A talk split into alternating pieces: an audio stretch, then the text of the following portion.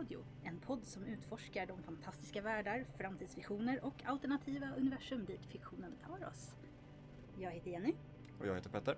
Och jag heter Cecilia. Och idag har vi besök av Sara Bergmark Elfgren. Hej! Hej! Sara är ju aktuell med Bortbytingen som spelas just nu och till det här programmet har vi fått låna musik som ni kommer få lyssna på medan vi pratar. Vi har fått låna fyra teman som kommer att spelas i turordning i de olika delarna av programmet. Först ut är mammatema, sen kommer måntema, myrligen och så avslutar vi med det dramatiska stycket Trollfar. Så det blir en lite annorlunda upplevelse i dagens program.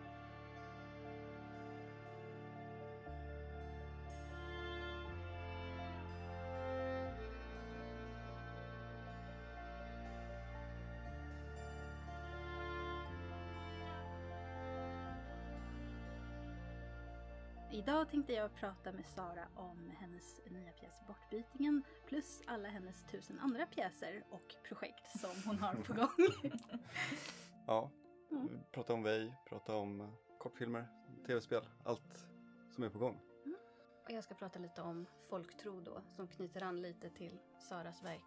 Ja, vi kan väl lika gärna börja med Bortbytingen eftersom eh, den har premiär väldigt snart, faktiskt innan det här programmet släpps, eller hur? Mm, precis, den spelas för fullt när ni lyssnar, lyssnar på det här. Precis. Och den spelas fram till eh, 14 juni, eller hur? ja, det är så långt man kan köpa biljetter just nu i alla fall. Mm. Det kanske finns en liten chans att, se den sen, men eh, bäst att snabba på medan den fortfarande går. Ja, men exakt. Mm. Man vet aldrig vad som händer. Exakt. Du har gjort en miljard intervjuer säkert om den här pjäsen. Eh, Men, ja, alltså det är väldigt mycket så miljarder intervjuer och tusen pjäser. Alltså det är ju två pjäser. Vill jag. men, Det- här är mitt uttryckssätt, Ja, jag jag vet. ja, men jag menar med tanke på att jag har så sjukt mycket att göra nu så kanske folk tror att det är bokstavligt. Ja, Jag börjar bli som en parodi på mig själv, att jag har alltid många projekt. Men nu börjar det bli så där så att när jag pratar med folk så börjar de svettas lite och titta på mig så att jag, att jag får deras puls och gå upp. känner lite prestationsångest där kanske. Nej men jag tror att de, eh, det vet jag inte, men, men jag tror folk blir lite stressade och mina vägnar nästan. Ja, man Eh. tänker så här, men, men eh, har du hittat någon form av, av eh, tidsvändare? Vad har du gjort? Nej, men I wish! Om någon har några tips. Tidsvändare, kloning, alla tips En eh, tas det tacksamt emot. Tardis TARDIS. Ja. DeLorean kanske. Mm. Ja. Nej, men tyvärr inte. Men man kan väl säga så här att jag har ju då nio släpp mellan januari och april. Japp.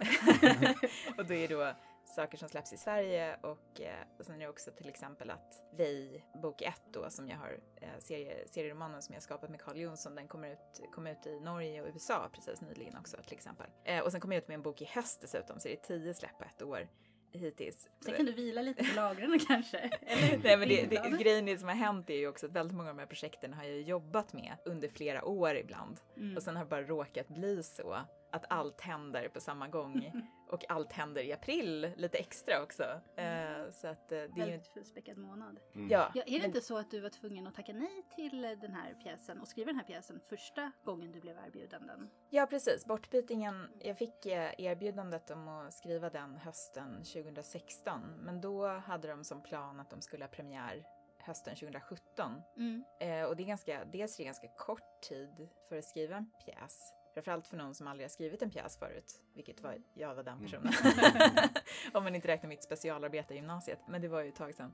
Så dels var det att det kändes ganska tajt, men också så höll jag på med Norra Latin då, Ja, det. min roman som, Mm. som kommer i pocket nu här i april. Ja, precis. Eh, nej men så då, då var jag faktiskt, faktiskt tvungen att säga att det här, det här går inte. Det kändes ju extremt moget och extremt knäppt att tacka nej till att dramatisera Selma Lagerlöf och få jobba också med Tobias Theorell, den här regissören som jag genast tyckte väldigt mycket om och kände att vi skulle ha ett bra samarbete, vilket vi också har haft. Det känns som ett extremt vuxet och moget beslut som Ja. eh, Mm. kanske inte alla hade kunnat ta. Nej, men jag hade ju också, jag hade ju en privilegierad position också i och med att jag hade andra jobb. Hade det varit, för, hade det varit tio år innan så hade jag varit, då hade jag varit bara ja, ja absolut, vi kör. Men eh, Det är väl lite så att eh, en sak, eller liksom allting, leder till andra saker. ja, precis. Alltså man, man, man blir ju också mer, mer realistisk ju mer saker man gör, förstår hur lång tid de faktiskt har att göra. Men Mm. jag hade tur då för att de sköt på premiären. För jag tänkte så här, att antingen så vill de göra det här bara för att göra det Mm. och då kanske inte jag är rätt person ändå. Eller så vill de göra det med mig och då kanske om jag har tur så skjuter de på det. Tröstade mig med efter att ha tackat nej då när han var så här, ja det, bara, det, det, det, det kommer ordna sig. Så jag gjorde det det. Ja. Så det, var, det var ju väldigt roligt. Jag har ju läst berättelsen av Selma Lagerlöf och den är ju ganska kort. Ja, Så, och jag har ju hört att du har arbetat mycket med den och byggt ut både karaktärer, lagt till karaktärer. Eh, Men vi kanske ska lite kort sammanfatta vad den handlar om. Mm. Själva grundberättelsen, Selma Lagerlöfs berättelse. Eh, den ingick ju från början i en novellsamling som heter Troll och människor. Eh, och den kom ut 1915 tror jag kanske, någonstans där omkring i alla fall. Och det är då en konstsaga, alltså det är Samma Lagerlöf som har skrivit den men hon baserar den på folksagor och sägner. Och det handlar om ett bondepar som eh, är ute och rider i skogen och så eh, kommer det troll och vill kika på det här människoparets barn och eh, då ser hästarna trollet och blir så, de blir så rädda att de sätter av i, i sken och eh, bondhustrun tappar sitt barn. Eh, trollet tittar på barnet tänker det här barnet var ju mycket finare än mitt barn, byter. Eh, Som man gör. det är som de gör, trollen. Ja. Eh, ofta lite oklart varför troll byter ut sina barn i historierna, men, men ändå. Jag tänker bara enligt trollstandard, rent världsbyggesmässigt så känns det Mm, som att mm. trollet, för trollet går där väldigt malligt över sitt barn och tycker det är Ja, jättefint. precis i början ja. Ja, men då tänker man sig enligt trollstandard så borde det andra barnet vara helt värdelöst. Ja. Exakt, det vore ju Ja. som att eh, frun där skulle bara plocka upp trollbarnet. Ja. Så bara så här, du är lite najsare än... Men, det, eh, men i folksagor och sägner, du håller säkert med om det här, så de, Mm, de är inte mm. alltid så logiska. nej. Nej, det är mer liksom med, eller de vill säga någonting med historien. Ja, Det är lite mer det än att det ska vara logiskt. ja Mm. världsbygget är lite skakigt. Folk, folk på den tiden, alltså de hade inte det här hur man bygger världar. Nej. De hade inte gått någon kurs. Nej. Vi har kommit en lång väg kan vi konstatera Ja. sen dess. Ja. Nu ska, jag, nu, ska jag, nu ska jag sammanfatta resten snabbare. Eh, I kontentan i alla fall att den här bondhustrun fortsätter ta hand om det här trollbarnet och alla andra, hennes man också, tycker att de bara ska försöka göra sig av med den och det finns då en slags grundmetod för att bli av med en bortbyting som, som de får höra om och det är att man ska skrämma trollerna. Och det är genom att till exempel låtsas tappa barnet eller slå barnet eller så ska då trollerna komma tillbaka med ens eget barn. Men bondhustrun vill skydda trollbarnet för det är ju i alla fall ett barn, säger hon. Och sen till slut så brinner hela gården ner och det är lite oklart vad som har hänt men alla skyller på bortbytingen i alla fall. Och eh, då får den här bonden nog och säger att eh, du vet att jag ogärna lämnar dig men jag vill inte leva tillsammans med ett troll. Och så drar han och när han kommer ut i skogen då kommer ett eh, skuttande guldlockigt gossebarn emot honom och säger God dag i skogen! Eh, och det visar sig förstås att det är hans riktiga barn. Och då när det här barnet berättar om sin tid hos trollen så visar det sig att allt som människorna har gjort mot trollbarnet har trollen gjort mot honom. Så att när de har behandlat bortbytingen väl så har han blivit behandlad väl. Och när de har varit elaka mot bortbytingen så har de, eh, trollen varit elaka mot honom. Och då börjar ju den här bonden bli lite stressad och frågar hur kommer det sig då att de har släppt dig fri? Och då säger det här barnet att ja, det var, det var mor bröt deras makt över mig för att hon gav upp det som hon älskar mer än livet själv. Och det gjorde hon när hon lät far gå. Och då eh, springer bonden tillbaka till sin hustru med det här guldlockiga barnet i famnen och säger att vår son har eh, vänt åter och det är du och ingen annan som har räddat honom. Slut! Ja, hur? är försvunnen. Ja. Ingen vet vart han tog vägen. Inte så noga. Men det var ett väldigt abrupt slut där dessutom, Ja. tänkte jag när jag läste den. Jag kan ju tala om det för alla som lyssnar att eh, eh, den här berättelsen omfattas faktiskt inte av upphovsrätten längre. Så den går att läsa på projekt Runeberg på Mm. nätet. Mm. Så vi kan eh, lägga till en länk i vår info. Ja. Så är det bara att gå och läsa den. Den är inte så lång. Eh, men jag tyckte att det var hemskt kul att läsa den. Ja, Mm. Och, den har ju väldigt mycket stoff. ja, Alltså jag kände Ja. när jag läste den först att det här blir svårt, tänkte jag. För det är en, den har mycket stoff men den har också ganska många obehagliga konnotationer. men det finns Kring det här barnet, det här fula, Mm, mörka mm. barnet, det där vackra blonda barnet. Alltså det finns mycket sånt där. Och just de grejerna har väl jag valt då att gå ifrån ganska mycket. Eller man vill helt. inte ha Mm. för mycket en metafor utan man vill ha den här berättelsen som det faktiskt är. Ja, Ja. men jag tycker också att den är väldigt färgad av sin tid. Ja. Precis. Eh, men... Eh, Jag tänkte på det, hon säger så här, barnet såg så hemskt ut, huden var alldeles brun. Ja, jag vet. Ja. ja, men det tror jag man kan reagera på verkligen Mm. som eh, modern läsare. Mm. Men Ja. det, är, det är ju inte den aspekten som jag har tagit fasta på i, i det här. Eh, det, går, det skulle säkert gå att göra någonting intressant av det, Mm. men det känner inte jag att jag är rätt författare för att göra riktigt, utan jag tänkte, när jag fick den här så tänkte jag att det här, det här kommer bli väldigt svårt och det skulle också vara en helaftonsföreställning och det skulle vara, det vill säga att det ska vara paus som måste dra ut den. Och sen så ska det också vara en um, familjeföreställning, vil- vilket betyder att den är för alla åldrar från ungefär, i det här fallet ungefär 10 år och uppåt kan man se den här. Ehm, så man ska kunna se den över generationerna. Mm. Och då, Men även gamla folksagor var ju ofta ganska hemska men ändå berättades ju i familjer. absolut, Ja. ja, ja. Jag, jag tänker ofta det, vi har sagt det förut också, att eh, mycket utav de här grymheterna som dyker upp i såna här typer av, av sagor och berättelser tror jag berör vuxna mer än, Mm. än barn. Mm. Absolut, det tror jag. Jag tror man kommer undan med väldigt mycket bara om man säger att nu är det här en saga. Men det, Mm. det som jag kanske tyckte var den svåraste utmaningen var inte det här att det händer hemska saker i den, utan att det var mer det här att den är berättad helt och hållet ur ett vuxenperspektiv. Just det, Alltså att den är berättad helt ur bonden och bondhustruns perspektiv och i viss mån ur trollmammans perspektiv. Mm. Bortbytingen är bara helt passiv. Det är ungefär det är ett litet barn, han är ungefär 5-6 år, han pratar inte, han går inte ens. Han blir runtburen av den här bondehustrun. Så, Han är bara en plottrobot. Ja, men lite, lite så.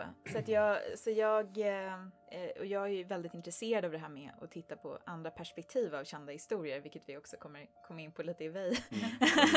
ja, men eh, och då, då började jag ju genast tänka så här, men det är ju det är bortbytingen som är huvudpersonen. Och då tänkte jag också att jag gör honom äldre så han har möjlighet att ha agens. Och att det här vara troll, att vara an, helt plötsligt börja ifrågasätta Tillhör jag min familj? Hör jag hemma här? Vem är jag? Det känns ju väldigt mycket som en pubertetshistoria. Ja, verkligen. Så jag gjorde honom ungefär 13 år och han är huvudpersonen. Och sen har jag använt jättemycket från novellen. Jättemycket dialog, många av händelserna. Men sen har jag byggt ut den, introducerat nya karaktärer och, eh, och framförallt så finns det en hel andra akt som egentligen fortsätter då efter det här mötet i skogen. Mm. Eh, Så det var ju lite svettigt i sig bara, nu ska jag skriva vidare på samma lagerlöv, la la la la la. Men jag kände också den, den liksom, när jag hade läst färdigt historien, jag bara, men vad hände sen då? Mm. För att det var verkligen så här, eh, slut. Sen Mm. nu kom han tillbaka, slut. Jag bara, men, Vad Alltså- hände med den stackars bortbytingen? Alltså Mm. hans familj har ju lämnat honom så att säga. ja För men att också, han känner ju inte sina trollföräldrar. Nej, Han har ju växt upp med människorna. Mm. ja och en mamma som bara, nej men du var så ful så att jag Ja. bytte ut dig. Vad är det för historia? Och sen, eh, men även bondfamiljen. Ja. Mm. Bara, ja men eh, som pappan där så här, men jag kommer tillbaka nu, allt är frid och fröjd. Man bara, eller? Och, och det är också det här det faktum att, som jag inte nämnde då, men det faktum att när, när det börjar brinna där så kastar ju bonden fysiskt in bortbytingen i elden igen. Och när Mm. bondhustrun då försöker springa och hämta bortbytingen så skriker han du kan lika gärna brinna inne du med. Ja, ja. Så att deras äktenskap känns ju lite så här. Ja. Eller hur? Det var mycket som kom fram där som är svårt att liksom bortse ifrån sen Ja. framöver kan man, Mm. kan man tänka. Men Bortbytingen är ju inte den enda pjäsen som du har skrivit som man kan gå och se på teater just nu, eller hur? Nej, det stämmer. Vi har även Oskar Lilja Ja. eh, Malmö faktiskt, Malmö stadsteater. Eh, och Precis. den går ju en vecka till efter det här programmet har sänds tror jag, fram till den 24 april. Ja, Alltså. precis, exakt. Det, det blir väl två, Två veckor. veckor. Men, Ja. men absolut, den Mm. spelas, eh, jag tror att det kanske är, ja, nej men det är väl typ kanske fyra gånger till. Alltså den går inte varje kväll under den perioden utan den spelas lite utspritt. Mm, Mm. Man kan ju titta på Malmö stadsteaters hemsida helt Precis. enkelt. Mm. Så ser man det. Men den har ju också ett lite sagotema. Ja, eh, den har jag, eh, precis, i alla fall ett, eh, vad ska man säga, ett övernaturligt tema. Ja. Eh, Mm. Det är Oskar Liljas försvinnande då som eh, handlar om fyra unga personer som kommer in på en folkhögskola som heter Smedjeby och de, två av dem vill bli författare, en vill bli konstnär och en vill bli fotograf. Och så börjar de där och så möter de en, eh, en poet som heter Oskar Lilja som skriver, han skriver under pseudonym så ingen vet vem han är men han, han avslöjar sig för dem och de får komma in i hans krets och han blir deras mentor. Eh, det är bara det att han kräver ganska mycket utbyte. Och det här är lite som en, eh, för mig är det lite som en andra del efter den här P3-serien om dödas röster som jag eh, skapade för ah. Ja. har skrämt livet av mig totalt kan Ja, jag säga. Alltså, jag kan typ inte vara på landet längre. Jag måste tända alla lampor så här. Ja, Den var ju så bra. Så Mitt, mitt, nöjda leende just nu. Samtidigt som jag vrider händerna och säger förlåt men ändå så nöjd. Och den kan man, De dödas röster kan man fortfarande lyssna på på, Absolut. på Helt Sveriges gratis. Radio, Ja, hur? Ja. om du vill bli ihjälskrämd och få men för livet. Ja. Lite så. Men fantastiskt bra. Ja. Så ja, jag, jag Mm. sträcklyssnade på den när jag upptäckte Mm. att den var Jag Mm. promenerade hem från jobbet. Jag var ute på Lidingö och så här och bara, så, så här, jag kunde liksom inte sluta. Jag bara, nej men jag fortsätter ändå. Liksom, så här, tar hela, Så ångrade du hela dig djupt sen ja, när du när jag skulle kom hem och sova. bara, vad har jag gjort? Usch. ja, Ja. yes. Men vi, vi men, lägger upp en länk till den också. ja. Mm. Det kommer bli så en lång li- länklista. Ja, ja, gud. Nej, men den, den har ju, en, den har ju liksom en story som går ut på, eh, så här, den är gjord som en mockumentär, som en Mm. fejkad P3 dokumentär kan man säga. Vi försöker ju inte lura folk, det finns ju eftertexter. Sen verkar ju folk gå på det i alla fall och tro att det var på riktigt. Men det, det, ja, det är ju så det är liksom. Men, men eh, det var ju häftigt, eh, även om det inte var vår avsikt. Tanken var snarare att man skulle kunna glömma bort att det var fejk medan man lyssnade på det. Ja, men det var ju så jag lyssnade på det. Ja, Mm. Men ja, de här sakerna har ju hänt sedan eh, världarnas krigs dagar. Ja, precis. Ja, Orson det- Welles. När folk bara lyssnar och liksom inte, inte tänker så mycket på vad de har klickat på. Då kanske det är lätt att Nej. missa alla de här Mm, ledtrådarna. mm, jo, Mm. lite så. Och det kom ju lite i samband med Serial och Ja, hela precis. den biten. Eh, sådär, så att det var ju lite på tapeten. Exakt. Så. Eh, reality, vad ska man säga? Ja, men, True crime. True crime, Ja. precis. Exakt. Nej men det, det, det handlar ju liksom om ett eh, kompisgäng idag då som har eh, märkts av ett mord som skedde i deras krets på 90-talet. Och det är lite samma typ av struktur i Oskar Liljas försvinnande, att det finns en nutidsberättelse också där. Där de ser tillbaka på vad som hände då och försöker förstå vad som egentligen hände. Eh, hände dem och vem var Oskar Lilja och kan ett möte med en person förgifta ett helt liv. Och så finns det ju då, om man väljer att se det på det sättet, finns det ju också ett vampyrtema i pjäsen. Mm, jag tänkte precis fråga det. Ja. Vad, vilken typ av övernaturalitet du har Ja. eh, inspirerats av? Ja men den är mycket mer, eh, om man tittar på Bortbytingen så är den ju verkligen saga och det var ju verkligen Tobias Theorell och jag överens om från början. Jag sa det från början, det här måste vara en saga, det får inte vara några mobiltelefoner Mm. eller moderna, alltså man måste känna att det här är en annan värld som man kan gå in i. För att annars blir det lätt så platt tycker jag när man ska sätta upp just saga på teater och man får Ja. Modernisera det för mycket. ja. Och ibland så, så känns det lite som om, om författare, eller kanske producenter snarare, är lite rädda för att ta det här hela steget i att men nu är det här en saga. Det är inte en, Jo. en eh, metaforisk berättelse som egentligen handlar om gymnasieungdomar på riktigt. Utan, Nej men man måste liksom, jag tror att det finns absolut en sån rädsla på, på teatern och, och det, det finns ju en rädsla och det har jag pratat med Tobias om och Sara Kronberg i Malmö då att det finns en rädsla kring det här att göra någonting som är ganska stort och känslosamt och, och eh, just det här bygga en annan värld för att det är klart man utsätter ju sig själv för en större risk att det blir löjligt. Alltså det är en balansgång man, man ägnar sig åt men det är också där man kan hitta det som är riktigt häftigt. Mm, alltså det är verkligen. svårt men, men det är en utmaning som är värd att ta sig an. Ja. Mm. Men i, eh, så jag har ju liksom gjort så både i, i Bortbytingen och Oskar Lilja att jag har ju skrivit det som att de är troll på riktigt. Han är en bortbyting. Eh, det finns mylingar. Men sen så för mig vad, vad allt det där kan också stå för, det är ju massa saker. Men det tänker jag att publiken själv får upptäcka medan de ser det. Och det kan de inte göra om, om man då ska liksom stå och köra ner en tolkning i halsen på Nej, dem. Ja, men precis, det är det som jag Ja. ofta tycker är, är fallet. Att, eh, Precis. Man får inte den här tolkningsfriheten. Då blir det så här platt. Ja. Men Ja. sagan har ju en Mm. klangbotten. I det här fallet är det ju en konstsaga med baserad på som sagt folksagor och sägner så att det är ju liksom, Mm. finns en enorm klangbotten här. Det, det tycker jag, man tappar den om man försöker liksom ruta in en tolkning. Och samma sak med Oskar Liljas försvinnande så har jag skrivit det som att det finns en vampyrmytologi kring det som, är, som hänger ihop. Vill man se det här som en pjäs som handlar om att det finns vampyrer i det här universumet så går det jättebra. Men jag vet också folk som har sett den och inte alls har plockat upp Mm. vampyrtemat. Ja. Alltså jag hörde om en förälder och barn till exempel som gick och såg den och föräldern var så här, det här handlar om destruktiva relationer, det Ja. handlar om en destruktiv syn på konstnärskap och vad konst är för någonting och, och barnet var så här, men det är ju vampyrer.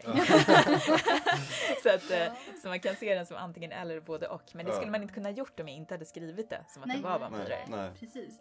Jag, tycker jättemycket om när det liksom finns den här, eh, ja, men den här mångbottnade Mm. känslan att det finns en både och tolkning. Mm. Att ja men absolut så kan det ju handla om, eller det handlar ju om destruktiva relationer. Men det betyder ju att det inte också kan finnas vampyrer Mm. Med i hela.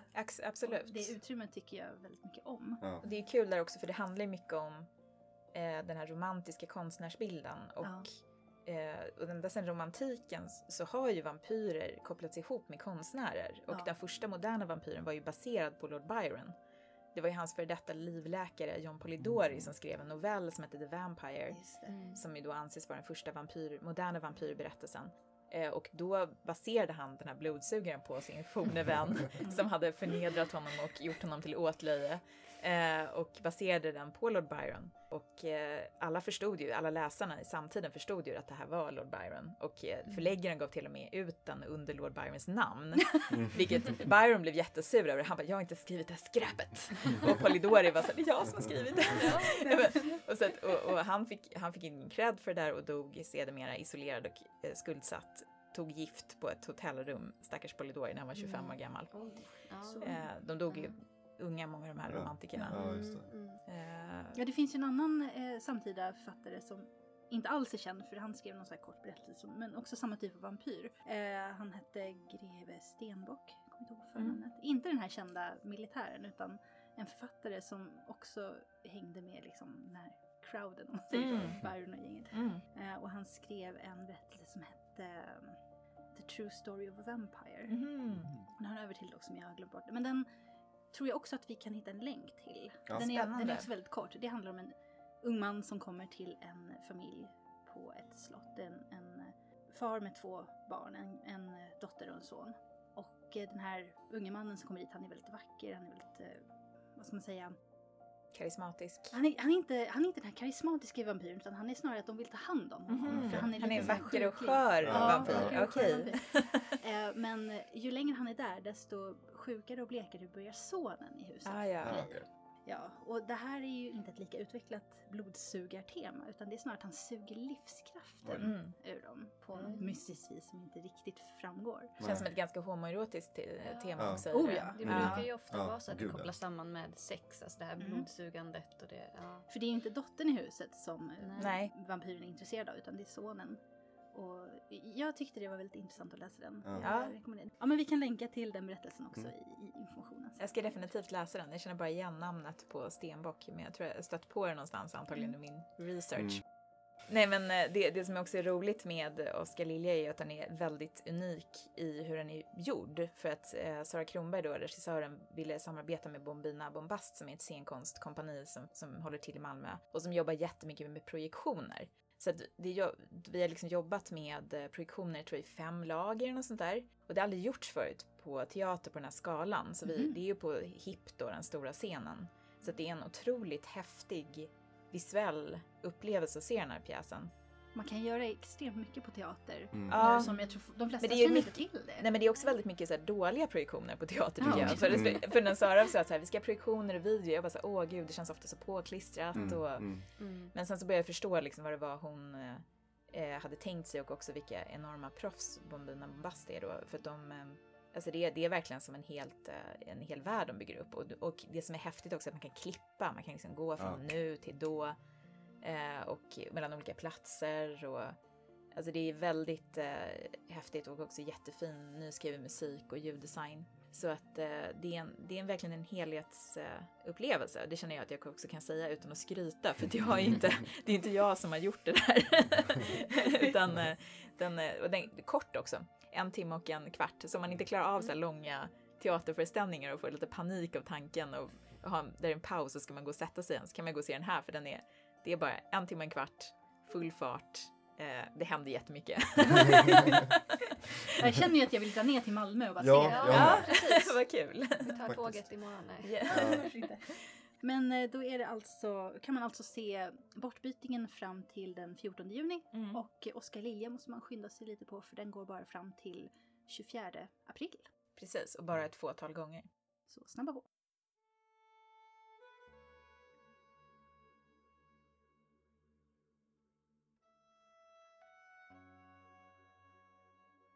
Jag tänkte prata lite om folktro. Det är ett väldigt, väldigt brett ämne så att det är klart att man kan prata väldigt, väldigt mycket om det. Så jag tänkte kanske begränsa mig lite grann och mest fokusera då på skandinavisk folktro eller nordisk folktro. Den kändaste varelsen, även internationellt, från skandinavisk folktro, det är ju trollet, eller trollen. Och eh, trollen är ju ofta, alltså det är ju plural. Väldigt många andra skogsvarelser eller liksom övernaturliga väsen, det brukar vara den ena, alltså det är näcken eller det är Mm. skogsråt och, och så vidare. Men trollen är Bäckahästen. bäckahästen som också... Tomten. Tomten, precis. Däremot så finns det ju gårdstomtar Mm. som har familjer. Men, men trollen, det är liksom lite sin egen kategori på något sätt. Och Eller visst- trollerna som Selma Lagerlöf säger. Ja. Ja. Ja. Jag älskar att läsa hennes eh, eh, talspråk. Mm. Är Ja. Mm. Men visst är det ju mer som ett samlingsnamn snarare än som en Det är benämning på en absolut ett varelse. samlingsnamn och det är också något som har förändrats väldigt, väldigt mycket. Alltså det, det äldsta, man vet inte riktigt vart ordet kommer ifrån. Det är ett germanskt ord som finns i många germanska språk. Men just ordet troll, det nämns ju i isländska sagor bland annat och eddorna.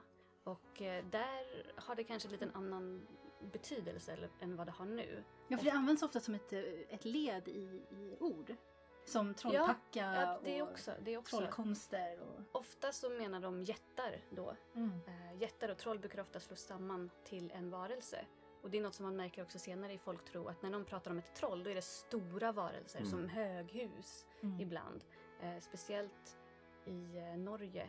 Eh, att Som de vi såg här- i Trollhunter. Precis jag skulle Precis. säga. Ja. Dokumentären Trollhunter. Ja, Det är, det är en dokumentär, Ja. vi lovar. Ja. Ja, ja, precis. Vi har ju nästan Eller? bara pratat om dokumentärer Exakt. idag. Ja, Ja. ja. Nej men så att troll är ju verkligen en sån varelse som eh, också förändras beroende på var historien utspelar sig så att säga. För det här är ju, folktro följer ju inte landsgränser. Så att när det gäller folktro i Skandinavien, om man pratar om södra Skandinavien, då är ju det alla gamla danska delar av Sverige till exempel. Och sen så finns det ju väldigt mycket att det blandas samman uppe i norr med det samiska och i liksom centrala Sverige och Norge finns det väldigt mycket blandring. Ja, har man läst lite historia så vet man ju att, eh, eller kanske lite mer än lite, men det, det var ju uppdelat mellan östnordiska och västnordiska eh, delar, även i förkristna Sverige. Mm, Så att mm. eh, det som de flesta känner till, Island och, och räderna på de brittiska öarna och så vidare, hela det är ju bara västnordisk historia. Och östnordisk historia är ju inte lika väldokumenterad. Nej, det är ofta när man pratar om vikingatiden, för att komma in på ett lite annat ämne kanske. Ja, så, kanske Så vi kommer in på sen. eh, vi kan säga att, eh, att en av anledningarna till att det är mindre dokumenterat, alltså vikingaräder i, i öst, östra delen av Östersjön är helt enkelt för att de platserna där och de folken där som bodde där, de hade inte skriftspråk.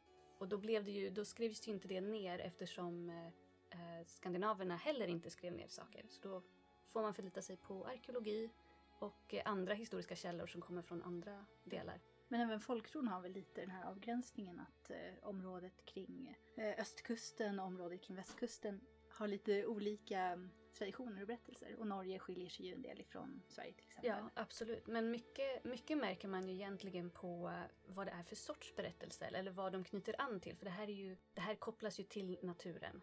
För Mm. det var ju det som, det var det som pra, folk pratade om för det var ju det som var så viktigt i deras vardag. Så att vid kusterna då är det väldigt mycket med liksom havsvarelser som vi kanske skulle kalla för liksom sjöjungfrur, havsrån och så vidare. Men uppe i bergen då pratade de mera om bergrået och gruvrået och vi har skogsrået. Så det finns ju liksom det beror väldigt mycket på vad det var folk gjorde där. Mycket deras arbete. Var de bönder, var de fiskare, var de liksom, jobbade de på en kolmila inne i skogen? Ja, det som har format liksom folks intryck av troll också, Mm. det är ju väldigt mycket det som har blivit populärt. Alltså jag tänker på hur folk ser troll idag. Mm. Det formas jättemycket av Tolkien. Ja. Och John Och Bauer. Bauer. John Ja, Bauer, det var det precis. jag trodde du skulle säga. Ja. Ja, ja. Men Eh, rent, rent visuellt så är det ju väldigt mycket John Bauer. Rent visuellt är ju John Bauer men, men när man pratar om liksom inom fantasy och det Mm, så mm. är det ju inte så, alltså det är ju så amerikanskt det mesta fantasy och de har ju inte koll på svenska författare så mycket. Nej, inte riktigt. Men det är lite samma typ av troll, det är de här stora fula varelserna som förvandlas till sten. Ja, Mm, och är lite mm. korkade. Men vet man Ja. när det liksom, när det blev en grej ungefär? Ja, Det alltså, kanske var med Bauer. Ja, fast Ja, jag tänker att. Bauer ändå så här, om man ser till hans målningar och så där så är de ju ändå ganska, lite så här, de är ju inte så, eller de är ju vackra på sitt sätt, ganska graciösa liksom. Tycker jag. Eller? Jag kanske bara är knäpp.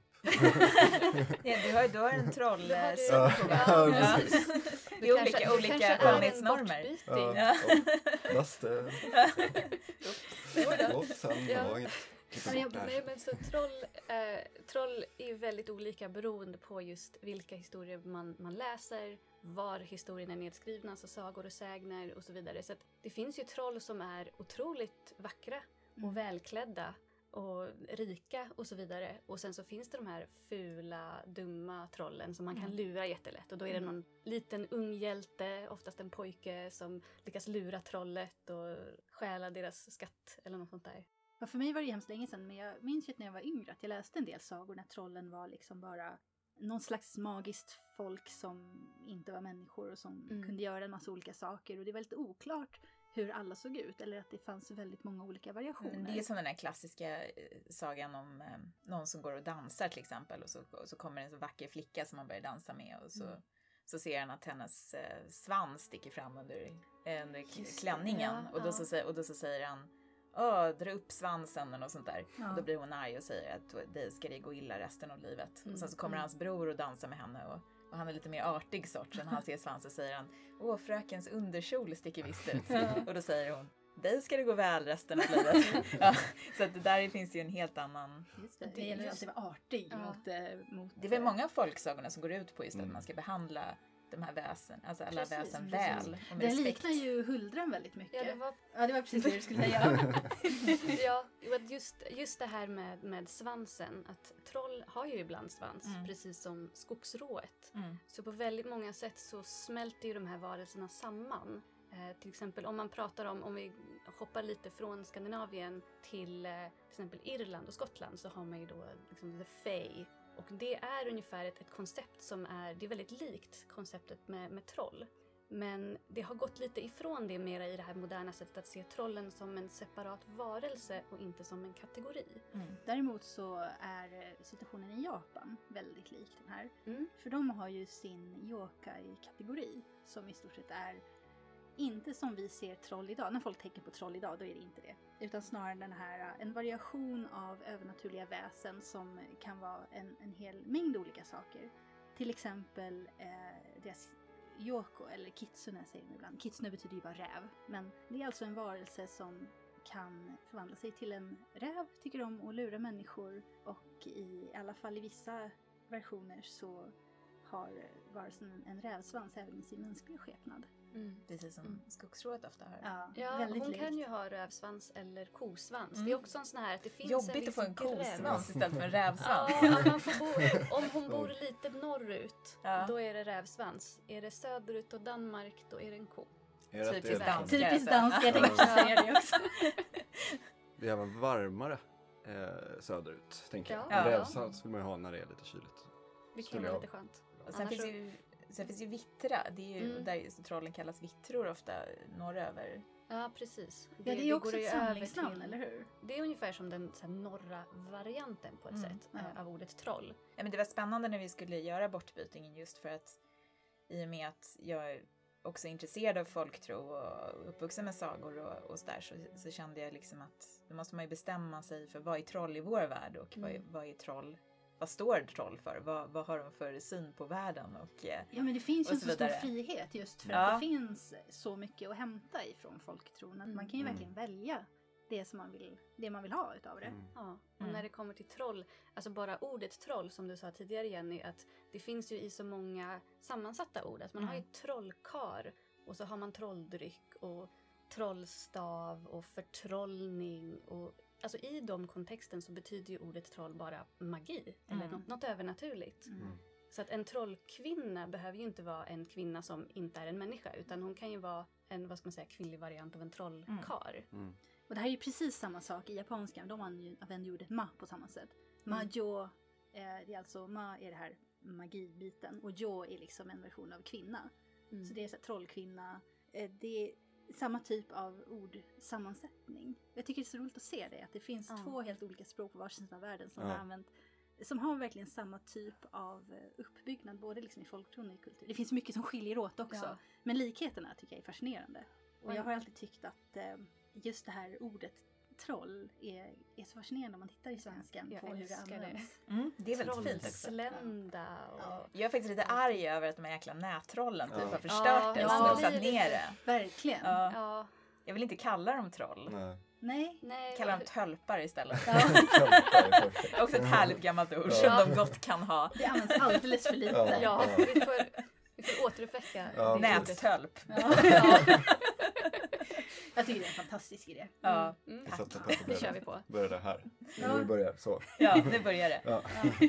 Och en annan sak om folktro som de flesta faktiskt inte vet om, det är att det är en väldigt, väldigt stor skillnad på hur man egentligen ser de här olika varelserna på nu och hur det sågs innan reformationen. Aha. För under reform, eller innan reformationen så var ju Sverige ett, ett katolskt land, Mm. för det var, det, det var det som fanns mer eller mindre. Ja, alla kristna länder var katolska mer eller mindre. Ja, Eller, Förutom de ortodoxa. ja, ja, precis. förutom de Jag tänkte säga det, vi kanske ska... Ja. Ja. Så att förutom Nördar pratar. de, är Försöker prata. är här. Vi gör vårt bästa. fortsätt, fortsätt. Ja, eh, så att när protestantismen kom eh, så kom det också ett väldigt annat tänk på hur man kategoriserar världen. Eh, och det här var ju då på 1500-talet som eh, protestantismen kom till Sverige. Eh, Gustav Vasa eh, Ville ha kyrkans mark och guld. Mm. Ja, och slängde ut eh, några katoliker, bland annat Olaus Magnus som flyttade till Rom och skrev en väldigt, väldigt, väldigt tjock bok som heter Historia om de nordiska folken. Eh, originalet är skrivet på latin, är lite svår att läsa men den finns översatt. Men så katolikerna de hade lite det här synsättet att de här olika varelserna och alla väsen från folktron, skogstron, trollet, Näcken, att de de fanns kanske inte riktigt, men gjorde de det så var det bara en del av naturen på något sätt. De flesta personer kanske inte nödvändigtvis trodde på de här varelserna, utan det var lite så här, jag såg ett troll i skogen igår. Nej, du var full. Gå hem. Gå hem och lägg dig. Men med protestantismen som kom det här, det här sättet att vilja kategorisera allting. Och då använde de ju sin, sin logik som de hade då. Eh, så de tänkte på hela den här listan av olika varelser och sen så tittade de i Bibeln. Nämns de här varelserna i Bibeln? Det gjorde de ju naturligtvis inte, för att Bibeln var ju skriven ganska eh, på ett annan plats i världen och eh, ganska mycket tidigare. Så då kom de helt enkelt fram till att de här varelserna måste vara av djävulens avkomma. Eller att de hör till djävulen för att de har vänt sig bort från Gud eller har blivit vända från Gud. Mm. För det dyker ju upp jättemycket folksagor att eh, Absolut. de har inte en själ och de vill komma till Nej. himlen och så vidare. och så vidare. Mm. Och eh, en av berättelserna som brukar användas för att eh, beskriva deras eller förklara deras ursprung är att Adam och Eva hade fått väldigt massa fina barn och barnen var ute och lekte och några av barnen blev smutsiga. De hade inte badat ordentligt. Och sen kom Gud och hälsade på och knackade på dörren och sa Hej Eva, får jag träffa dina fina barn? Och då ville hon inte visa de smutsiga barnen för hon skämdes för dem. Så hon gömde dem från Gud och visade bara de rena barnen. Och de här smutsiga barnen, de blev då Näcken, Skogsrået, Mylingarna och så vidare. Och det är därför som det ofta säger att de har ingen själ, Mm. men att de ändå inom sig vill ha en själ. För Gud sa, eh, ja, i och med att du har gömt de här barnen så kan de fortsätta vara gömda. Något i den Mm. Jag pratade Ja, faktiskt ja. med eh, Frida Johansson som har skrivit musiken till Bortbytingen, som också har skrivit musiken till Unravel bland annat. Ah. Åh, det är Ehm, väldigt bra. Det är alltså- ett tv-spel. Ja, Ja. väldigt fint spel. Väldigt fina spel, de är ju två nu. Mm. Eh, hon har skrivit med Henrik Oja till de spelen. Men eh, för att vi pratade just om, för hon är ju från Umeå, eh, bor i Umeå, så att eh, vi pratade om just vittra och sådär och då drog hon upp den här historien, precis Mm. den här historien Mm. jag sa just det här att och den varianten hon hade hört var att Gud sa i, för att, en, att de stoppade ner dem i jordkällan. Ja, alltså också ja. en norrländsk grej. så här, och att då sa Gud, eh, ja i och med att ni har stoppat ner dem under jord så kan de fortsätta bo under jord. Mm, mm, För Det man trodde ju ofta att vittran bodde under jord. Liksom. Ja. Vittrorna gjorde det. Mm. Det är väldigt imponerande efterkonstruktion, måste jag säga, av de dåtida kristna. Mm. Ja. Vi har Ja. alla de här väsendena, hur ska vi förklara oss i den här kontexten? Men jag tycker det är intressant också, som, viktigt som du säger också, för det tycker jag också är en grej som ofta tappas bort. Att det här att det är skillnad på folksaga och sägen och det är Mm. skillnad på hur man har använt de här väsena. För det är så lätt tycker jag att man idag Eh, Ebbe Schön brukar ju prata mycket om det här också. Mm. Man sätter sig på höga hästar idag och säger att folk förr var så dumma och så vidare. Att de trodde på de här sakerna. Men dels försökte man ju förklara sin värld, men det var också mycket underhållning det handlade om. Alltså när man Ja. sa östern Mm. om sol och västern om måne så trodde man inte att det bodde någon östern om sol och västern om måne, utan det var en saga, det var underhållning. Mm. Folk trodde inte på Rödluvan. Eh, men, men däremot så kunde man berätta däremot en sägen som var lite som Urban Legends idag. Just det här, Mm. ja, det sa min mormor och hon ljög aldrig. Så det är därför det är sant. Och det är en sägen, det ena är en folksaga, det andra är en sägen. Mm. Och att det är också viktigt att komma ihåg den, den skillnaden. Ja, för så, folksagan är ju meningen att den ska vara fantastisk. Det är väldigt Exakt. ofta att det, det handlar om en prinsessa, men det är ju aldrig en riktig prinsessa som bor i Nej. ett land i, i Europa eller i världen, utan det är alltid en prinsessa i kungarike långt, långt borta. Men jag tycker att det är ändå ganska uppenbart att det handlar om ja, men dåtidens underhållning. Man Jo, men det, jag tycker det är ändå ganska ofta som man stöter på den fördomen Ja. att, att, alla, att folk trodde alltid på troll och folk trodde alltid på Mm. nä- Näcken. Och precis som du sa så Mm. ja, vissa gjorde det och Mm. man kanske gjorde det i vissa tillfällen. Ja. Men ibland var det också bara du är full, gå hem. Jag tycker det är så roligt när ni sa det här om eh, att de blev instängda i, i jordkällaren och blev Mm. då, de fick vara kvar under jorden. För att ett annat samlingsnamn på övernaturliga väsen i Sverige är ju de underjordiska. Mm. Eller Det är ju någonting som återkommer de i mycket folk. under jorden. Förlåt, nu pratade jag över dig. Ja, Mm. nej men det gör det inte. För om man pratar om alltså, skandinavisk folktro så är ju Gotland lite separat eh, på många sätt. Så där har de ju sina små under jorden. Eh, och det är Ja, lite det är inte alltid- folktro. Inte alltid de små heller, för jag har läst till exempel, eh, nu kommer jag inte ihåg vad den heter, men det handlar alltså om en ung flicka som är någon slags herde. Och eh, hon brukar gå och vakta fåren med sin farfar. Och han dunkar liksom sin käpp i jorden och säger hur hög gärdsgården är så att fåren inte kan fly. Men då är alla fåren borta. Eh, och då har de underjordiska tagit fåren för att eh, en av dem hon blev så himla irriterad på det jävla dunkandet. som aldrig slutade. Så att eh, eh, den här flickan beger sig ner i underjorden och bor hos den här underjordiska kvinnan som hennes dotter länge och glömmer bort världen. Eh, och det, det är som liksom en hel ras av människor som bara bor under jorden och är magiska på olika sätt. De Mm. beskrivs inte så tydligt hur de ser ut men de är liksom inte småfolk utan det Mm. är eh, bara andra människor som bor de säger ju under jorden men man tänker ju så här, ja men någon, någon så här parallell dimension. Mm. Ja, som en Mm. modern människa. Ja. Så den, det hör man inte så mycket om nu för tiden tycker jag. Nej. Men jag har läst ett par sagosamlingar som tar upp de här. Och det, de skulle jag vilja se lite mer av. Det är lite så här ofta alver eller typ alvliknande varelser Mm. beskrevs ibland på det här sättet. Men det är så extremt otydligt.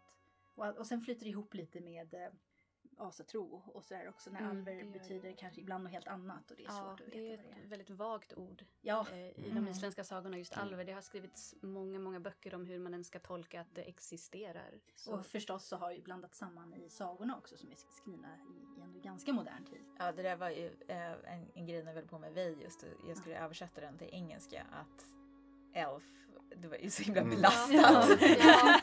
vi, och vi gör ju vi gör något ganska annorlunda. Våra alfer de är ganska så här fula och, och påminner mer om djur. Eh, så att eh, du- fick hitta på en lite annan variant av det för det lät jättekonstigt om de skulle kallas för elves. Liksom. Ja. Mm. Tänker man Legolas. Men Ja, det men. Ja men där har verkligen Tolkien bara mutat in hela Ja. ordet och Ja. allt som har med ordet Ja. att göra. Ja. Omdefinierat allt Ja. ja. Mm. totalt nästan. Och det är nästan, alltså man läser fantasyböcker Ja. och, och folk har liksom en ras som är vacker, långlivad och, och kan magi. Man bara, men det är alver. Det spelar Ja. ingen roll vad vi kallar Nej, dem, det är nej, alver. Det är alver ändå. Och folk försöker verkligen kalla dem någonting annat Mm. men eh, jag tror att man måste kanske, själva ordet alv det är nog bara ge upp. Ja. Ja, inom, inom så här hög fantasy-litteratur. Ja. mm. Jag tänker mycket på, bara så här som jag tänkt på under hela, har ni sett Ass än? Nej. Nej, jag har inte gjort det än. Nej. Nej. Inte heller. Men jag förstår din koppling. Ja. Det lilla jag vet om Ja, den så ja, förstår jag din ja. koppling. Jag vet ingenting om den. Jag vet ingenting heller. Jag Jag, jag har att Men. Men jag, väl skulle, jag ska kolla om han har influerats någonting. För det är mycket, jag ser mycket likhet. Mm. Så. Det får vi ta Japp, när vi lite fler har sett Yes. Ja, Våra troll är ju lite inspirerade av black metal då, norsk black metal. Ja. det är alltid en väldigt bra källa, Ja. norsk black Ja, metal. ja. Jo, nej, men det var faktiskt så här att eh, när jag höll på där i början just och grunnade på vad står trollen för, vad är, vad är liksom, och vad skulle de kunna locka bortbytingen med? Just varför, förutom att det här med att man vill vara en del av någonting så, jag menar om trollen är bara liksom så här dumma och fula och har vårta på näsan så vem, vem vill hänga med dem? Mm. Eh, vem vill vara troll då? Men att det finns, jag började, så satt jag och snackade lite med Carl Jonsson då om, om han hade sett den här dokumentär, Vice-dokumentären om, om Gal var det väl? Mm. Ja, och, Ja, ja. eh, ja, eh, och då snackade vi om den och, eh, och då var jag såhär, men just det, norsk black metal, troll, de älskar ju troll. De, de tycker trollen står för det här, för, för kristna, mm, ut i skogen, tillbaka till naturen, stark, ensam, eh, behöver inte samhället, hyperindividualism, alltså det, liksom alla de Mm, sakerna finns där. Så pratade jag med regissören Tobias Theorell som kommer från en mycket mer vad ska man säga, eh, högkulturell och mindre nördig då. bakgrund än vad jag Ja, gör. ja. Jag har ju lite mer av en vild mix i mina Ja. referenser. Han bara, intressant, det är ju som i Per Gynt. och, det, och det är det ju också, för där, där är ju hela tesen då att troll är sig själva nog. Mm. Var dig själv säger människan, men var dig själv nog säger Mm. trollet. Mm. Och det, är ju, det hänger ju ihop med det här. Men eh, det, det, så att vi, vi jobbar ganska mycket efter det och, eh, och om man kollar på Bauer, just black metal, det är inte, alltså det är inte så, och folkmusik, metal, alltså allt det här flyter Mm, ihop på mm. något Mm. sätt.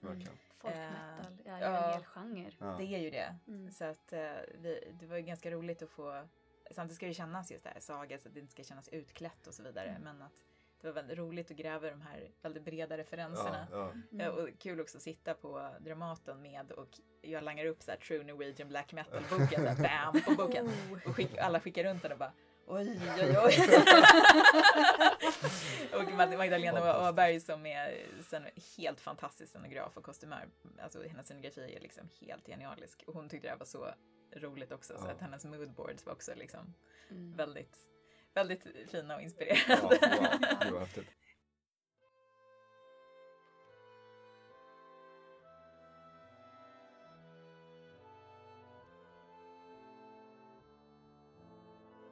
Då ska vi prata lite om Vej.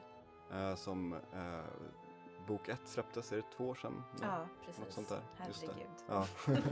Time flies. Eh, och bok två släpps faktiskt samma dag som det här avsnittet släpps. Mm. Eh, 11 april. Eh, Precis, vi hade ett litet smygsläpp på Uppsala Comics och Mm. på seriefestivalen. Men 11 april är den officiella releasedagen. Just det, just det. Vi handlar om, jag vet inte, vill du bara Sammanfatta? varsågod, jag vill gärna okej, höra. ja, det är oj. jätteroligt. Eh, pressen. Um, vi handlar ju då om Vej, ja. som är en rann i Jotunheim. Eh, det börjar med att hon eh, blir upphittad av ett vikingaskepp i havet och det här vikingaskeppet är då på väg till Jotunheim för att ta över och, och liksom så här, sätta ner foten och, och regera typ. Så ett vikingaskepp. Ett vikingaskepp, ja, En, inga en problem. prins med väldigt mycket storhetsvansinne finns ombord. om man hoppar fram lite så eh, när de har kommit fram till Jotunheim så blir det snabbt klart att det är en kamp på gång mellan, eller ett gla- gladiatorspel mellan, vad ska man säga, asagudarna och eh, Jotun. Och den heter, nu kommer jag inte ihåg. Mister i Leikir. Yes. På vår fejk isländska. Är det? Nej men det är lite lätt inspirerat av Ah, okej. isländska, Ja, förstår. fornnordiska som Ja. mycket i boken är. Fast det är Just verkligen inte, Ja, min hjärna blev bara ska inte ja, ta som, eh, Mästarlekarna ja, Ja, exakt, precis. det ska kännas så Ja. liksom. Jag tänkte lite att jag förstod isländska när jag läste det. Ja. Ehm, och eh, det är lite där den tar avstamp. Man får följa Vej då, som är Ran och är en då, eh, representant för en av gudarna i den här kampen då mellan Ja, jättarna, jättar. eller Jättar, jotunarna Ja, precis. Och som- asarna. som är deras gudar. Vej 1 är ju bara, vad ska man säga, från Veis och eh, den här unge mannen som, den enda som blir kvar av, av ja, vi kanske inte ska avslöja för mycket här, men det är ju berättat väldigt mycket från deras synvinkel. Ja, det är egentligen bara Veis synvinkel Mm. i, i första, lite Mm. grann. Alltså sen är hon avtuppad ett tag och då är det lite mer Dalman i den här, Mm, absolut. precis. Men eh, det är mest Vej, absolut. Ja, Ja. Ja. Och ja, de, de får ganska många chocker där Mm, på löpande ja, ja, band precis. nästan. Det är jobbigt när man har dyrkat Oden hela sitt liv som Dal har och så Ja. träffar man Oden och visar sig att han är Han är- ett asshole. Ja, verkligen. Minst sagt. Ja. Det var det som jag tänkte på när du sa att du vill ha lite andra perspektiv. Mm. Och där tänker jag det är ju väldigt så, liksom just att asagudarna är oftast liksom the good guys och det är de man får följa som, ja men bara så här, Thor i liksom Marvel-filmer, även fast han är en väldigt, väldigt fri tolkning, men han är en Ja. hjälte liksom. Ja, ja. Mm, mm. Uh, jag tänker ju också på Peter Madsens Valhall. Jag vet inte, har du läst? ja, en del. En Mm. del. De har ju helt enkelt berättat sagorna de har gjort en tolkning men de har berättat sagorna ungefär som de tycker att de är. Mm. De har inte skrivit en berättelse som är baserad på sagorna utan de bara, men nu ska vi berätta. Nej, vi gör ju fantasy Precis. där vi Mm. hämtar stoff från nordisk mytolo- mytologi Mm. och så gör vi Mm. vår egen grej av Mm. det. Men det var ju verkligen en av de grejerna som attraherade mig med projektet från början. Och Kalle, Carl Jonsson och jag var ju vänner och han höll på och eh, försöka komma fram till eh, en idé för en serie som skulle gå i Utopi, ett magasin som fanns då. Eh, och då höll vi på att bolla där och, eh, och det var då han hade den här idén om att göra någonting om människor som dyrkar jättar. Och, och det väckte ju det här intresset hos mig också. Just det, här, det är kul, jättarna. Alltså asagudarna kan ju vara ganska, bete sig väldigt illa i myterna också. Mm. Och vara otäcka och, eh, och så vidare. Men jättarna är ju alltid skurkarna i stort sett. mm, liksom. mm. Så att, eh, ja mer eller mindre. Det var, jag tyckte det var spännande just där. Men jag, om det finns människor som dyrkar jättarnas gudar, då tycker de att asarna är skurkar. Och så. Mm. Ja, och sen så i bok två då som ju kommer nu så får man också veta mycket mer om jättarna och asagudarnas perspektiv också. Så man får följa eh, fler eh, karaktärer ur de, ur de grupperna. Det var också en del av vårt projekt med att vi ville göra boken längre än vad den höll på att bli från början när den gick utopi. Förutom att Kalle hade utvecklats enormt mycket som tecknare så att man kollade på hans första kapitel. Han sa själv häromdagen, han bara det var så fult, jag skäms så mycket. Och han hade inte, han hade ju inte alls den eh, nivån som han har idag, men det fanns ju en jäkla ber- berättarglädje i det. Eh, men eh, men eh, förutom då att vi ville ha mer sammanhållen stil på det hela så var det ju också att vi verkligen ville kunna berätta mer om alla karaktärer. Men Jag fick intrycket också av att det inte är... Nu- har de begett sig till Jotunheim redan i liksom, när berättelsen börjar. Mm. Så man får ju inte se Midgård om man Mm. säger så. Mm. Men jag fick ju intrycket av att det är Midgård, det är inte liksom vår värld utan det är en fantasyvärld. Ja, vi är ett Mm. fantasy-universum Ja. Mm. helt och hållet. För att de har, ja, men man märker det på väldigt många olika saker, det gör man. Men, men just det här att eh, ja, gudarna och, och jättarna de finns ju. Mm. Och de kan åka Det är en stor dem. skillnad. Ja, ja. Onekligen. Absolut. Ja, men jag, jag var också fascinerad av, av liksom den här omänskliga aspekten hos Vej. Ja. Hon är ju delvis människa, Mm. men eh, Hon har jätteblod, Mm. hennes folk har det. Hon har getpupiller. Exakt. Precis. Så när de ser henne så Ja. blir de jätterädda och hon Mm. ser deras ögon och nej, de är från Mm. Midgård. Ja, Så att det blir verkligen ett sånt där. och just de här getögonpupillerna är väldigt visuellt effektfullt. Ja, Mm. Ja, det var. Kalles idé Ja, verkligen. det är så. Mm. Ja, Ja. den är väldigt sån så här, tsch, alltså Ja.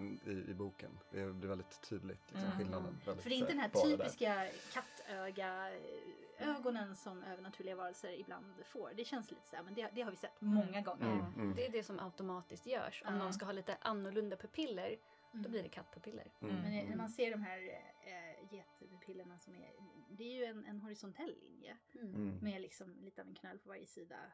Man, man har inte sett det så ofta och det är så utpräglat omänskligt. Ja, Mm. precis. Mm. Det används ofta typ, alltså tänker lite såhär skräck, eh, alltså såhär, det är lite, ja men lite såhär djävulen Mm. eh, Ja. så, att man Mm. relaterar till det ofta. eh, Mm. För att det är så, Så här Liksom gethuvudet. precis, Mm. precis. Uh, men sen så tänkte jag också på det som är väldigt häftigt i den är ju ja, men lite hur ni gör typ Loke och, och, och Freja eh, på ett sätt som inte ofta mm, helt har gjorts tidigare liksom, eller på, det, det är inte så konventionellt liksom.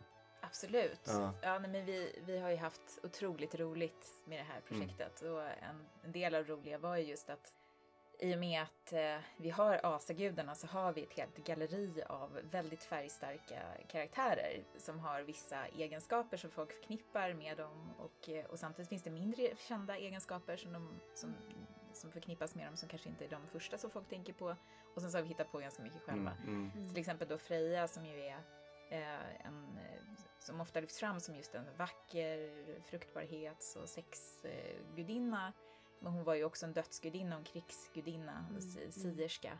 Eh, så vi försöker ju ge allt det där till henne, men också hur hon ser ut. Just att det var, eh, det var faktiskt min idé just när jag pratade med Kalle, det var innan jag var med och skrev serien just det här, hur ska jag göra Freja? Mm, frågade jag. mm. Mm. Ah, nej men hon ska ju vara, jag tänker hon ska vara ganska så här yppig. Jag bara, men hur yppig? Hon bara, han bara, men så här yppig. Jag bara, jag tycker hon ska se ut som Venus från Willendorf och vara assexig. Mm. eh, för att det känns som att det är så Freja skulle se ut eh, om hon verkligen fanns. Att det var liksom... Och det, det var, ja, för, ja, men verkligen på Ja. riktigt frodig liksom. Att, det, det var spännande också att inte göra det här bara, ja hon är lite kurvig, utan hon, verkligen, hon är stor. Mm, mm. Eh, och eh, att hon får vara alla de här sakerna. Ja. Så här, Mm. otäck, sexig, Mm, eh, mm. vacker. stark. Ehm, och det, det, för det är också en grej som vi har lekt med väldigt mycket i serien, just det här med kroppar och perspektiv. Och att det, för både Kalle och jag kan bli lite trötta på jag förstår upprepningens tjusning i fantasy och mycket i high fantasy. Just att det här med att ibland så har man en grej som man gillar. Så man kanske gillar drakar och då vill man ha sina drakar på ett visst sätt och då kommer en ny drakbok där drakar är på ett sätt som drakar brukar vara, då, då söker Mm. man sig den. Mm, Jag kan förstå mm, det. mm. Mm. Jag själv kan känna att det blir lite tråkigt eftersom jag inte har någon sån där grej. Jag är en dålig nörd på det sättet. Jag har liksom inte den där grejen som jag bara yes, den här grejen är min grej. Utan jag kan, jag tycker att det, att det, det blir däremot väldigt, eh, min grej kanske är just snarare att man faktiskt försöker göra någonting nytt. Att man försöker, ja här är en helt annan värld, men då kanske folk tänker på ett helt annat sätt också. Och då är kanske en helt annan syn på nakenhet, på sexualitet, på kön. Eh, så, att vi, så att det är mycket det vi försökte göra också. Och också går det att göra en serie där folk går omkring halvnakna typ hela tiden. Men utan att man ska känna att de eh, objektifieras. De kan ju vara sexiga, men också vardagliga, alltså vardaglig nakenhet. Och det tyckte vi var också väldigt roligt att hålla på med. Mm. Och det märks också Ja. att det funkar på folk, Ja. det är väldigt kul. Ja. Ja, men jag tycker det, det funkar jättebra just för att eh, det handlar mycket om hur det är framställt i bilden. Mm. Mm. Eh, det kan ju, jag tycker att må, ofta om man läser serier eller ser tv och sådär att karaktärer kan vara helt påklädda och ändå objektifierade Mm. på grund av hur kläderna är skurna. Mm, hur ringarna är mm. Hur skurna. de sitter åt och Mm. sådär. Mm. Och sen eh, kan figurer eller karaktärer vara helt nakna och ändå vara eh, som jättarna i Ja. eh, Ray. Som bara går omkring, de har lite bälten och sånt Mm. som, Mm, som det hänger saker Ja. på för att de behöver ha med sig lite saker. Då får vara lite snygga också. Ja. Ja. Förstås, utsmyckning är ju Mm. viktigt. Ja. Eh, men att täcka kroppen är liksom inte viktigt för dem. Så de rör sig inte som om det är onaturligt Nej, att vara avklädd i, till vardags. Mm. Och det gör ju verkligen hela skillnaden. Mm. Det är ju så som Carl Jonsson har ritat bilderna också att eh, eh, när det är två jättar som klättrar upp för en bergssida så är det tecknat på ett sätt som, ja det är två personer som klättrar upp för en bergssida. Mm. Det är inte tecknat för att vissa kroppsdelar ska Putar inte med belysas. rumporna liksom. Eh, Ja, men till skillnad från vissa superhjälteserier Ja. där det är väldigt viktigt i den här bilden att både Ja. hennes bröst och hennes strumpa syns Ja, samtidigt. gärna en sån här splash page. som Ja, så så att vi Så måste göra lite gångjärn i Ja, ryggraden. ja, ja. Precis. Inga problem. Nacken får vara lite längre Mm. så att hon kan vända sig över axeln. Mm. Ja. Just det. Man ser hennes eh, putiga läppstift, Ja, röda läppar. Ja. Mm. Ja, eh, det är lilla utprat. Jag- tycker att ehm, den västerländska serievärlden behöver lite mer variation. Mm. Och jag tycker vi är en bra insats där. Ja. Tack. Mm. Verkligen. Vi hade väldigt kul när vi jobbar med det. Och som vi brukar säga ofta, det här med att folk kan vara såhär, Åh, PK, det är så tråkigt. Men fast det är inte tråkigt. Nej, jag det är kul. inte Nej, Ja. men just, just också att det är roligt. Alltså det, det känns absolut, det är klart att, det, att vi kan tycka att det finns eh, någonting viktigt med att göra olika typer av representation. Mm. Mm. Men det är också för att det är så mycket roligare att göra nya saker Mm. än att Mm. göra samma sak om och om Mm. igen. Ja, det är Och ju just- snarare att man har liksom en större bredd att hämta ifrån. Om vi tar till exempel nordisk mytologi och man pratar om till exempel könsidentitet, transpersoner och allt det där. Det finns ju, allt det finns ju i de gamla isländska sagorna Mm. och Ja. i Eddorna. Så att om man vill framställa till exempel Loke som eh, att han inte har någon så här specifik könsidentitet, då är det helt historiskt korrekt, Mm. så vitt vi Mm. vet. Mm. Så om då säger att nej men det här är något nytt som folk har kommit på nu och klagar, nej, nej. Nej, Jag håller med, det där är, Nej, jätte, det är jätteroligt. Det är tusentals år gammalt. Och allt att. Oden Ja. utövar kvin- kvinnomagi som Ja, de kallade det ja. till exempel. Att han sejdade och där. Det är ju verkligen ofta tycker jag man stöter på. Och det gäller även troll och nordisk mytologi och Absolut. syn på familj Mm, och syn mm. på vad som är naturligt för människor. Att det, det är ganska ofta som de här gamla värderingarna inom stationstecken, de kommer från 1800-talet. Ja, Mm. ja. Och sen tittar man på hur det var Mm. innan. Mm. Eh, kanske ingen dans på rosor, absolut Nej. inte. Men spretigt på ett helt annat sätt än vad kanske Mm. folk Och tänker saker sig. har gått lite mer upp och ner snarare Mm. än i en rak linje upp. Det har varit större frihet och sen har det blivit mindre frihet. Och väldigt Mm. lokalt också på olika Ja, platser. Jag menar att vara gay i Florens under en period var ganska... Alltså, Alldagligt. ja men alldagligt det, det, det, gick, det gick att vara det på ett helt annat Mm, sätt än vad mm. man kanske föreställer sig under den Mm. eran. Vi hade en hel livepodd om eh, queer i manga för något par år sedan när jag hade en lång utläggning om eh, samkönade relationer mellan män i medeltidens Japan. Där, där det är alldeles för långt för att ta upp nu men lyssna gärna på det om ni Mm. tycker det är intressant. Men där var ju synen på, på samkönade relationer var bara en helt annan. Den var inte liksom något paradis eller något ideal, utan det var bara så här, nej men eh, vi ser inte på sex mellan män som man gör i 1900-talet i Europa, under Mm. någon period av 1900-talet i Mm. Europa. Eh, och där har man ju liksom ett helt annat perspektiv, när det också var på, på en nivå liksom helt accepterat i samhället och in i modern tid, in på 1800-talet. Det är liksom inte antikens tid heller, utan det här är väldokumenterad, ett väldokumenterat fenomen där det fanns liksom också en bred litteratur som var riktad till de här männen. Erotisk litteratur. Tryckpressen kom till Japan på 1600-talet. Vad heter det här avsnittet? Det heter Tre gånger queer manga tror jag. Också en länk. Ja, En länk. det En mycket länk. länkar här. Vi får eh, anteckna. Ska jag också slänga in en länk? Ja. Mm. Ja, alltså om man vill ha lite mer om bakgrunden till Vi och hur Kalle och jag jobbade med den och jobbade om den och sådär så kan man också läsa en intervju som jag precis gjorde med Comics Journal eh, med anledning av det amerikanska släppet. Där pratar jag mycket om det. Ja, det ska vi Spännande. till. Det Ja, Ja, läsa. Eh, Men om man vill få sin nya vi och sin gamla vi kanske Ja, signerad. precis. Vad ska man göra då? Då tycker jag, det är lite beroende på vilken stad man bor i, Ja. skulle jag säga. Om man bor i Malmö, då är den 13 lördagen där. Lördagen den 13 april. Eh, jag har inte tiden i huvudet där, dock.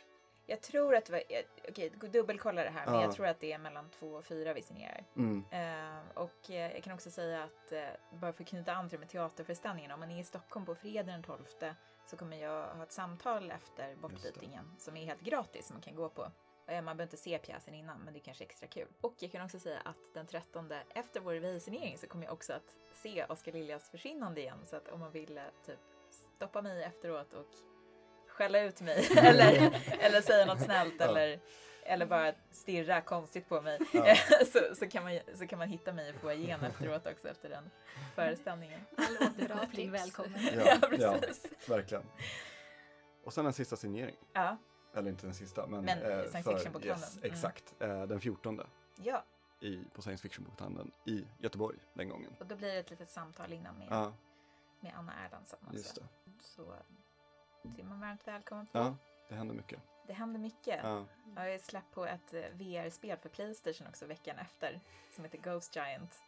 Som eh, inte ska prata mer om här nu, men, men det är mycket som händer. ja. Ja. Du får komma Jag tycker tillbaks helt enkelt. Ja. Ja. Flera gånger. Vad snällt att ni säger det. Det är jätteroligt att du vill komma och prata Ja. med oss. Ja, men jag tycker det är så roligt. Det, det känns också som alla ämnena som ni pratar om är jag jätteintresserad Ja, av. ja. Förutom mig själv det lät konstigt. ni förstår vad jag menar. Förstår vad du förstår. menar. Ja. Och med de orden tackar vi för oss för den här veckan. Eh, vi hörs igen om två veckor. Eh, vad vi ska prata om då, det får vi se då, tycker jag. Det har vi inte det har Bestämt vi, det. har vi inte. Det blir en Ja, överraskning. det blir en överraskning, men det kommer bli fantastiskt. Kommer inte prata om mig i alla fall. Eller? Eller? The thing that wouldn't leave. Jag sitter kvar här i den här skrubben i två veckor och väntar. Jag väntar i skrubben. Men om ni har kommentarer eller frågor eller eh, vad som helst så kan ni skriva till oss på fragor.sfbok.se eller kommentera på Facebook, eh, Instagram. Instagram har vi och Twitter. Ja. Och om ni har något till mig så går det bra också. Jag är de flesta sociala medier. Och för det mesta heter jag Sara Belfgren. Jag heter det så mycket så att vissa börjar tro att jag heter Sara Belfgren. Det gör jag inte. Men i sociala medier kan ni hitta mig Yes. under det namnet. Bra. Tack för att ni lyssnade och vi hörs igen om två veckor. Hej då! Hej då! Hej då!